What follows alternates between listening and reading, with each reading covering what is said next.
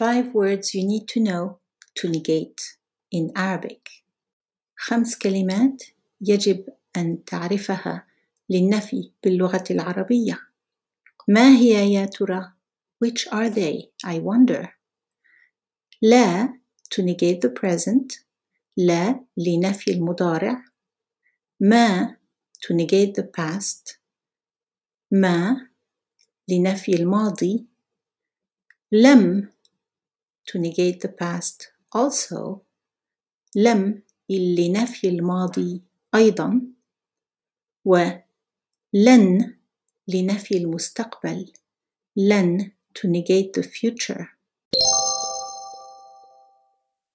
These are the four words we use to negate verbs. What do we use to negate a sentence that has no verb? We use ليس. هذه الكلمات الأربعة التي نستعملها لنفي الفعل. وماذا نفعل عندما لا يكون عندنا فعل في الجملة؟ نستخدم ليس.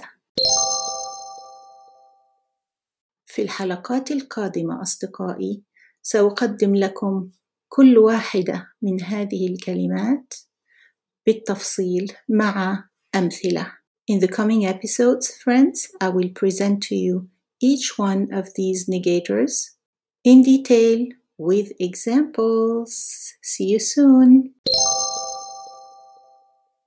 Check out my books on Amazon. انظروا إلى كتبي في أمازون.